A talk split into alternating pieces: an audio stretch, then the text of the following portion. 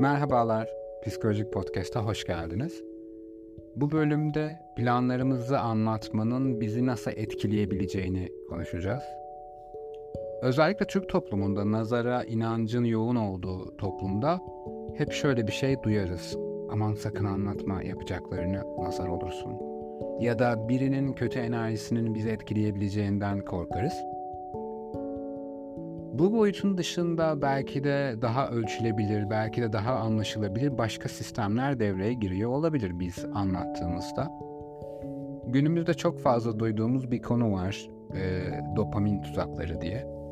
Aslında bizim zihnimizde her küçük görev, her yeni görev bu markete gidip alışveriş yapmak da olabilir ya da elimizin altındaki telefonda bir sonraki videoya geçmek, yeni bir videoya geçmek de olabilir bizim içimizde, bizim zihnimizde dopamin odaklı bir ödül mekanizmasını çalıştırır. Ve biz her o küçük task'ı, o küçük görevi uyguladığımızda ve sonuna geldiğimizde böyle bir ödülle karşılaşırız ve bu bizi tatmin eder. Tabii ki bu tuzaklar, kısa süreli dopamin artışları, o 5 saniyelik, 10 saniyelik videolarla yaşadığımız haz bizi uzun odaklanmalardan koparır. Ama bugünkü konumuza dönecek olursak biz bir benzerini de aslında planlarımızı anlatırken yaşıyoruz. Çünkü süreçten inanılmaz keyif de alsak ve sonuç odaklı düşünmesek de bizim herhangi bir projeye başladığımızda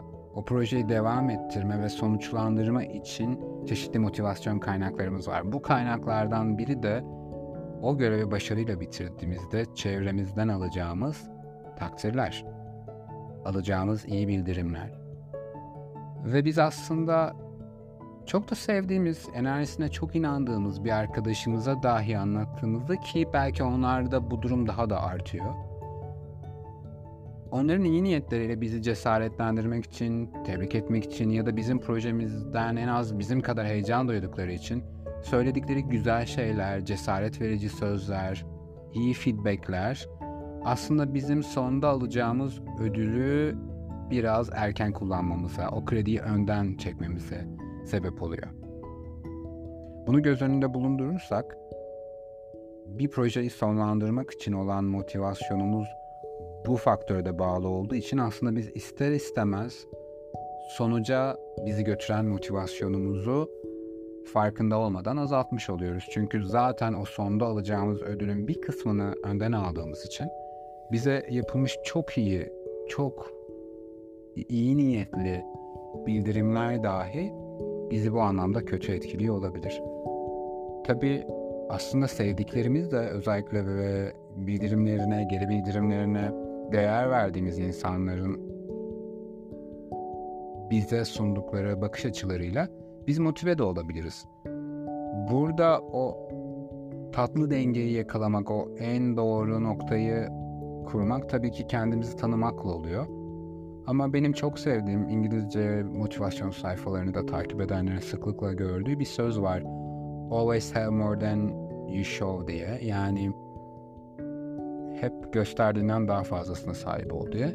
Benim bireysel hayatımda uyguladığım böyle bir yöntem var. Çünkü bazı planlarımı anlatmak istiyorum. Bazen belki arkadaşlarım da o planlara dahil olacağı için. Bazen sadece o içindeki mutluluğu ve taşkınlığı paylaşmak istediğim ve tutmak istemediğim için içinde.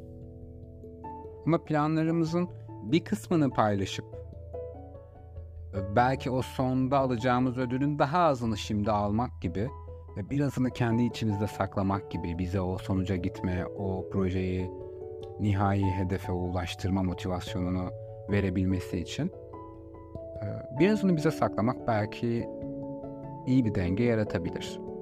Hem paylaşmanın ve e, oradan alacağımız cesaretini, oradan alacağımız özgüvenini, oradan alacağımız desteğin motivasyonunu elde etmek hem de o sonuçtan yediğimiz, sonuçtan kırptığımız motivasyon miktarını da en aza indirmek için böyle bir denge kurulabilir.